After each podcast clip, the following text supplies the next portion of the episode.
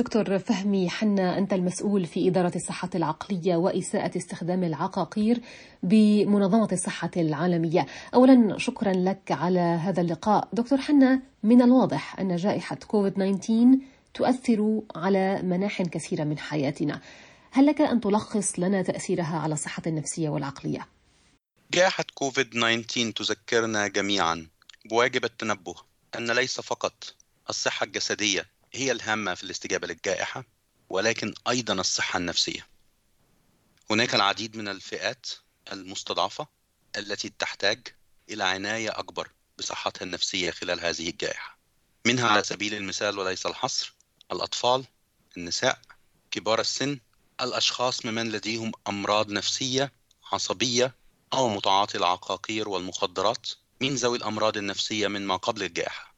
بما فيهم الأشخاص داخل المؤسسات ومستشفيات الصحة النفسية على سبيل المثال.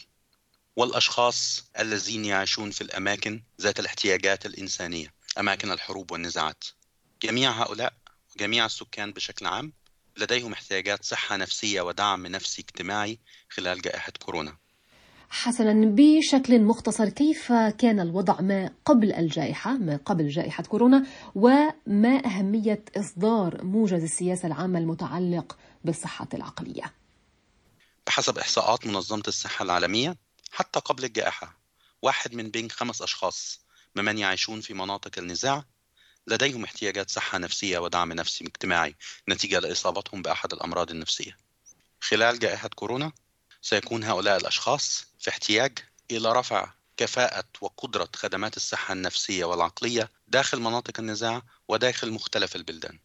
تذكرنا هذه الورقة أنه ينبغي على جميع صانعي القرار دمج خدمات الصحة النفسية والدعم النفسي الاجتماعي في خطط وفي الاستجابة الحالية لكوفيد 19.